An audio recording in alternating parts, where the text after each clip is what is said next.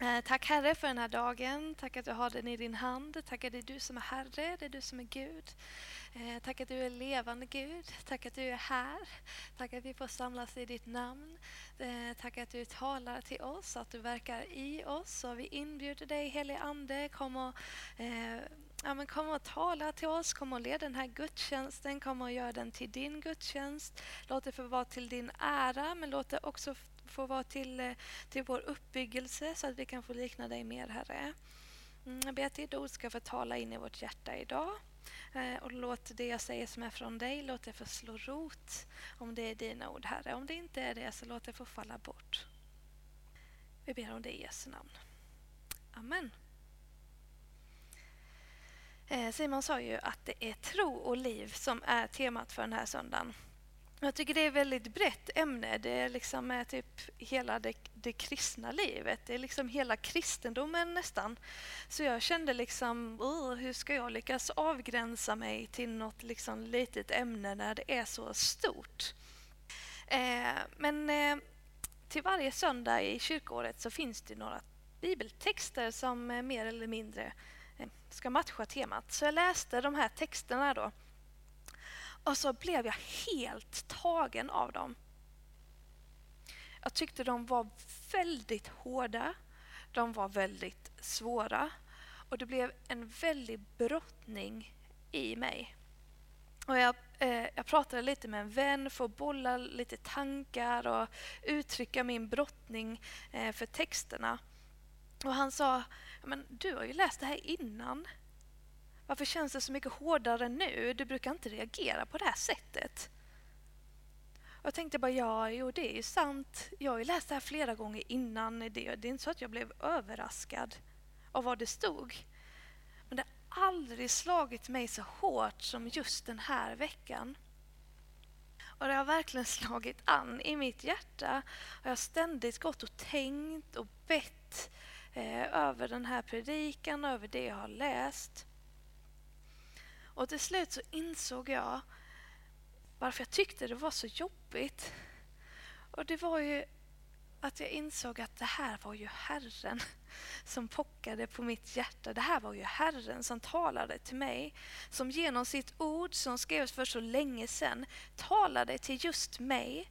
Som ville peka på saker som jag behövde reda ut. Men det var inte bara till just mig, utan jag tror också Herren vill tala till vår församling och till dig personligen just idag. Det var inte en text som var skriven till någon annan eller till massa israeliter eller judar eller några andra, utan det var till just oss.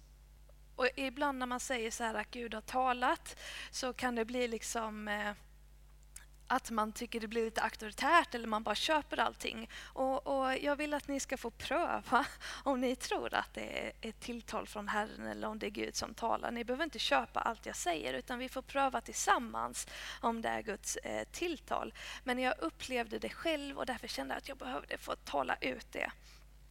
Så det är det jag kommer att göra idag och vi kommer få pröva det här eh, tillsammans eh, och se vad Herren vill säga till oss nu tror jag ni har blivit så nyfikna på vad är det för texter hon ska läsa.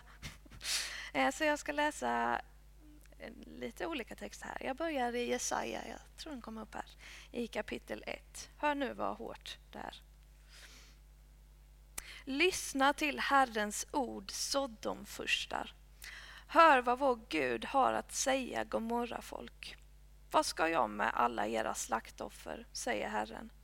Jag är mätt på brännofferbaggar och göldkalvars fett. Jag vill inte ha blodet från tjurar och lamm och bockar. Vem har begärt detta av er när ni träder fram inför mig, ni som trängs på mina förgårdar? Kom inte med era meningslösa gåvor, jag avskyr offerröken. Nymånad, sabbat, högtidssamling, jag tål inte falskhet och fest. Jag hatar era högtider och nymånadsfester. De har blivit en börda för mig som jag inte orkar bära. När ni lyfter era händer i bön vänder jag bort blicken. Hur mycket ni än ber lyssnar jag inte. Ni har blod på händerna. Tvätta er, rena er, Låt mig slippa se era illdåd. Sluta göra det onda och lär er göra det goda. Sträva efter rättvisa, stöd den förtryckte, för den faderlöses talan, skaffa änkan rätt. Tyckte ni det var hårt? Lite grann. Nu ska jag läsa från Matteus 23. Sedan talade Jesus till folket och sina lärjungar och sa De skriftlärda och fariseerna har satt sig på Moses stol. Gör därför allt vad de lär er och håll fast vid det. Men handla inte som de gör, för de säger ett och gör ett annat. De binder ihop tunga bördor och lägger dem på människornas axlar, men själva rör de inte ett finger för att rätta till dem. Allt vad de företar sig gör de för att människorna ska lägga märke till dem. De skaffar sig breda böneremsor och stora manteltofsar. De tycker om att ha hedersplatsen på gästabuden och sitta främst i synagogan.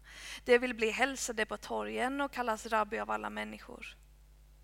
Men ni ska inte låta er kallas rabbi, ty en är er läromästare, och ni är alla bröder. Ni ska inte kalla någon här på jorden för er fader, ty en är er fader, han som är i himmelen. Inte heller ska ni låta er kallas lärare, ty en är er lärare, Kristus. Den som är störst bland er ska vara den andra tjänare. Den som upphöjer sig ska bli förödmjukad och den som ödmjukar sig ska bli upphöjd. Sen tänkte jag en gång till läsa Jakobstexten eh, som Simon läste innan. Från Jakobsbrevet 1. Bli ordets görare, inte bara dess hörare. Annars tar ni miste.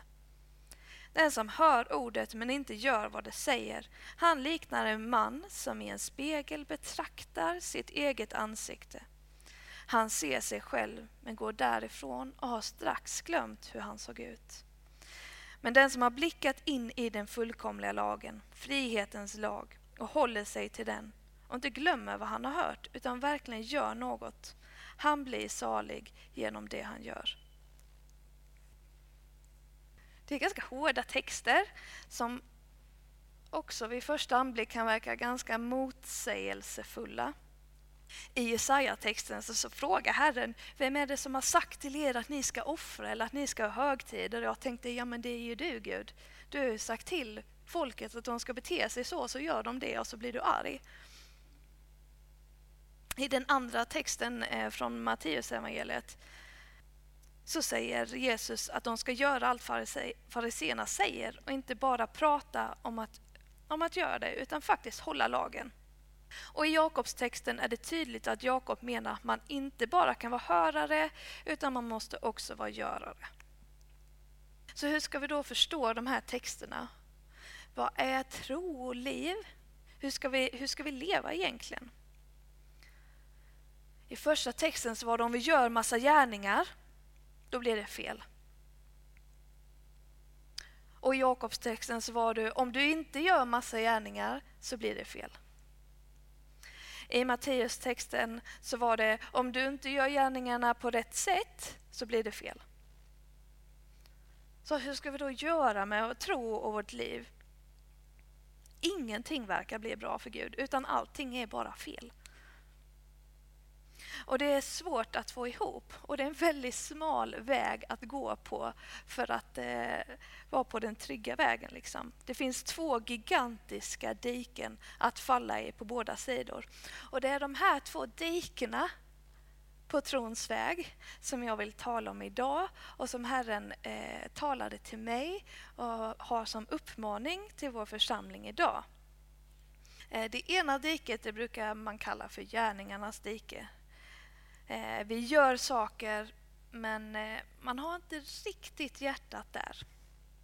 Det andra diket det har mest med liksom man bara tror och gör ingenting och tron har inte så mycket med livet att göra. Eh, och man lever som om man knappt inte ens hade en tro. Så vi kallar det för gärningar och, och tro då, de två dikena.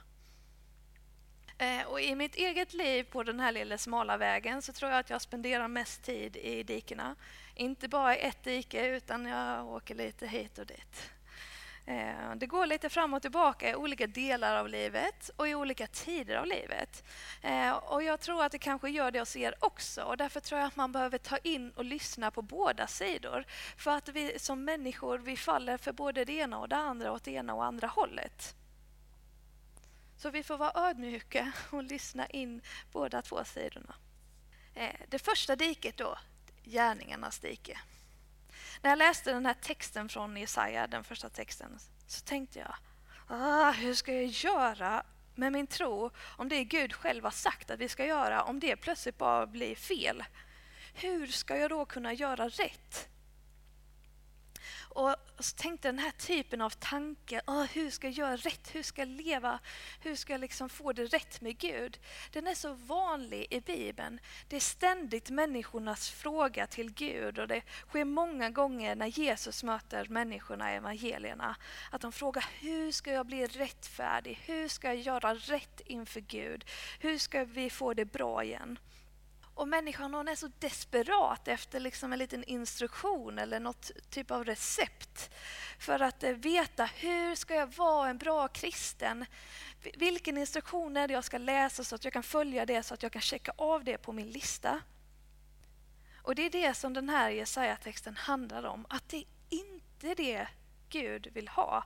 Han vill inte ha att vi ska ha någon quick fix för vårt liv. Så, nu är jag en bra kristen, nu går jag vidare till nästa grej. Liksom. Utan eh, han vill inte ha några gärningar som bara är till för att vi ska plocka lite kristenhetspoäng. Där vi ska kunna berömma oss, kanske inför oss själva eller inför andra eller eh, inför Gud. För det står i texten att de gärningarna, de är tomma gärningar. De behagar inte Gud. Det han vill åt är en innerlig tro, vår hjärtas tro. Och det är ingenting vi kan göra inför Gud som skulle få oss tillräckligt bra ändå, inför honom. Men så ofta så försöker vi att räcka till. Om vi håller fest inför Herren eller offrar djur inför Herren, som det stod i Jesaja, men bara gör det till en yttre handling, så stod det att det är något som väcker Herrens avsky. Det är inte så att han inte bara tycker det är så gött, utan det väcker verkligen Herrens avsky. När vi använder fina ord och i långa böner och vill berömma oss själva så väcker det Herrens avsky. Det stod i texten, när ni lyfter era händer i bön vänder jag bort blicken. Hur mycket ni än ber lyssnar jag inte. Väldigt hårda ord ifrån Herren, men också väldigt uppriktiga ord ifrån Herren om vad tron egentligen är, om vad det är Herren egentligen vill ha. Om hur relationen med Gud egentligen bör vara. Och Det handlar om ditt hjärta. Nu, nu, vet jag faktiskt att ni inte brukar gå runt och offra djur. Eller att vi, ni har massa stora bönemantlar med bönetofsar. Eller ni gör, ni gör det där borta. Nej, nej det, var, det var ingen som gjorde det. Nej. Eh, ja, vi har inga bönemantlar, vi har inga manteltofsar och, och sånt där. Det är ingen som brukar gå och kalla mig för rabbi. Men de här grejerna som var exempel i bibeltexterna, det är så lätt att bara föra över det till andra saker eh, i våra liv. Där vi försöker liksom plocka poäng hos Herren. Ibland tror jag att vi kan gå på gudstjänst, inte för att vi vill, utan för att vi tänker, eh, ja men som kristen då ska man gå på gudstjänst och då ska jag göra det. Eller, oh, det blir lite pinsamt om jag inte går på gudstjänst idag för jag har inte varit där på flera veckor och då kommer de tänka, hmm, var är Charlotta någonstans? Hon har inte varit här. Eller kanske det är kring vår personliga andakt med Gud och så tänker vi vi ska läsa Bibeln och vi ska be. Vi ska göra det på morgonen eller på kvällen. Ehm, det kanske inte ens är något du vill göra. Det kanske inte passar din personlighet att eh, läsa överhuvudtaget. Det kanske inte är så din relation med Gud är. Men du tvingar dig till att tänka, ja men det här, så här ska man göra, så här, så här ska det vara, så här är man en bra kristen. Vi kanske betalar kollekt Inte för att vi vill, utan för att vi har hört om man är med i en församling då ska man betala kollekt. Så ska det vara och då är, då är man bra. Eller vi har eh, hört att be för maten, det måste man göra som kristen, så det, det ska vi minsann göra. Men vi gör det inte för att vi vill, utan vi gör det för att så ska man göra. Och missförstå mig inte nu och tro att jag säger gå inte på gudstjänst och läs inte Bibeln. Det är alla jättebra grejer. Men när vi gör det med fel inställning så spelar det ingen större roll inför Herren. När vi gör de här sakerna för att berömma oss själva så blir det smutsiga handlingar inför Herren. För att du gjorde det för din egen vinnings skull. Kanske för att berömma dig själv, för att själv känna dig bra. Eller för att visa för andra, att jag är bra. Eller för att visa för Gud, titta nu här på mig, vad duktig jag var. Jag betalade mitt tionde. Jag är en bra kristen, jag. Och kanske är ni som jag och tycker att det är lite jobbigt att erkänna för mig själv att jag håller på så här. Jag tror ni kanske vet lika väl som jag att eh, gärningar, det har vi hört många gånger, inte frälser någon. Det är endast Guds nåd. Visst har vi hört det. Vi är frälsta av nåd. Det vet jag. Jag hör det hela tiden i lutherska sammanhang. Ändå så kan jag inte låta bli att tänka på det här sättet. Det kan vara olika exempel, det behöver inte vara just de här exemplen, men jag tror att vi så lätt blir gärningsfulla personer som vill bara checka av grejer eller som vill göra saker för att berömma oss själva. Ibland när jag predikar här så visst vill jag göra det för Herren, men jag kan också tycka det är lite gött när jag får lite beröm och folk tycker att jag är duktig. Och jag tror att vi alla har sådana saker i vårt liv och då tror jag Herren vill säga stopp. Det här är inte en sann tillbedjan av Gud. Det är inte så här det kristna livet eh, ska vara. Du behöver inte bete dig på något särskilt sätt eller passa in i en ram utan det Herren vill ha är ditt hjärtas tro. Är ditt, är eh, liksom ditt hjärtas gärning. Så i det diket spenderar jag mycket tid. Eh, I det andra diket då, trons dike. Av nåden är frälsta, ingen ska kunna berömma sig. Det här talar vi mycket om och det är helt sant. Man kan ju inte bli frälst utav sina gärningar utan endast av Guds stora nåd. Men det betyder inte heller att vi bara ska sitta i soffan och chilla och tänka att jag är frälst genom nåd, inte behöver jag göra ett skit. Utan Jakob skriver eh, i Jakobsbrevet.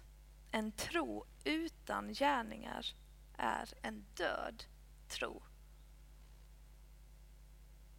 En tro där man bara sitter och påstår att man älskar Herren men inte visar det med sina handlingar är ingen levande tro.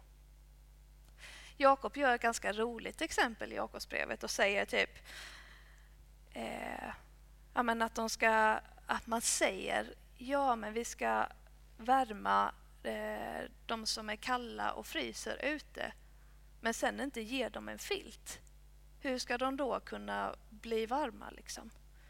Det räcker inte bara med att man säger att de ska bli varma och så blir de varma utan man måste ju faktiskt göra någonting för att de ska bli varma, för att de inte ska frysa längre. Och det är det som Jakob är ute efter. Ibland måste vi göra saker för att visa på vår tro, för att bekräfta vår tro, för att det ska bli en levande tro. Men det är mycket mer bekvämt att luta sig tillbaka och tänka allt är lugnt. Jesus han har redan förlåtit mig och sonat för min synd. Jag behöver inte göra mycket mer än så. Det är väldigt bekvämt att tänka på mig själv, sätta mig själv först. Men det är inte det som Gud har kallat oss till. Det är inte det Gud har tänkt oss till. Det är inte det som vi som kristna eh, ska vara. Jag tycker aposteln Johannes formulerar det väldigt väl i första Johannes 2. Då skriver han så här. Mina barn, detta skriver jag till er för att ni inte ska synda. Men om någon syndar har vi en som för vår talan inför Fadern, Jesus Kristus som är rättfärdig. Han är det offer som sonar våra synder, inte bara våra utan hela världens. Och sen, att vi har lärt känna honom förstår vi av att vi håller hans bud. Alltså att vi gör våra gärningar. Den som säger jag känner honom men inte håller hans bud är en lögnare och sanningen finns inte i honom. Men hos den som bevarar hans ord har Guds kärlek i sanning nått sin fullhet. Då vet vi att vi är i honom. Den som säger att han förblir i honom måste själv leva så som han levde. Alltså så som Jesus levde. Att leva som Jesus själv levde, att försöka göra goda gärningar, är ett bevis på att vi tillhör Gud. Sen kommer vi ju självklart att misslyckas med det, för att vi är inte perfekta. Men då Jakob skrev, eller Johannes skrev ju det, att när ni syndar så har ju Gud förlåtit oss. Men vi behöver ju inte sträva efter att synda, utan vi vill sträva efter att likna Gud. Det Herren vill ha är ju en tro som ger konsekvenser i våra liv. I hur du talar, i hur du beter dig, i vilka val du gör, hur du bor, vilka intressen du har. En tro som påverkar hela ditt liv. Men inte för att du ska tjäna poäng hos Herren eller kunna berömma dig för hur du lever eller talar eller i vilka intressen du har. Utan för att du vill göra det för att du tillhör Herren, för att du älskar Herren. För att ditt hjärta vill det. Det Herren är ute efter är vårt hjärta, att tro med vårt hjärta. Och Det är den här smala vägen som är så svår att gå på. Och hur tror vi då med vårt hjärta så att det påverkar hela livet? Jag tyckte det var svårt när jag tänkte efter. Och så tänkte jag, det är ju bara Herren som får fixa det här. Det här är, vi får be Herren om hjälp att förvandla vårt hjärta i Jesaja-texten så står det rena er, omvänd er. Vi får gå till Herren och be att han ska få rena oss. Att han ska få hjälpa oss att få vända om. Att han ska få förvandla vårt hjärta så att vi kan få bli eh, mer lika honom. Att vi ska sluta leva i lathet och sluta leva i högmod. För att bli mer lika Gud själv. Jag skulle vilja nu att vi bara får ta en, en tid för självrannsakan. Där vi får fråga Herren tyst för oss själva. Gud, vad är det du vill peka på i mitt liv? Där jag har fallit i något dike, där jag lever eh, på ett sätt som inte behagar dig. Vad är det, på vilka ställen i livet behöver jag omvända mig? Behöver jag vända tillbaka till Gud? Både utifrån dig som individ i ditt liv, men jag skulle också vilja att vi tillsammans kollektivt ber för det i vår församling. Att hur har vi som församling tappat vår hjärtas tro? Hur ska vi kunna vända om som församling? Eh, och om Gud talar till dig kring vår församling så kan du komma till mig eller Simon så kan vi eh, Eh, så kan vi pröva det tillsammans om det är någonting vi behöver förändra eller ta upp. Liksom. Eh, men jag tänker vi ska få ta en stund i det. Eh, och ja, Låt oss vara en församling som lever ett äkta trons liv där det inte får bara vara något yttre skal utan att det ska få påverka hela eh, vårt liv. Så vi tar en stund till det och sen avrundar vi med lite bön.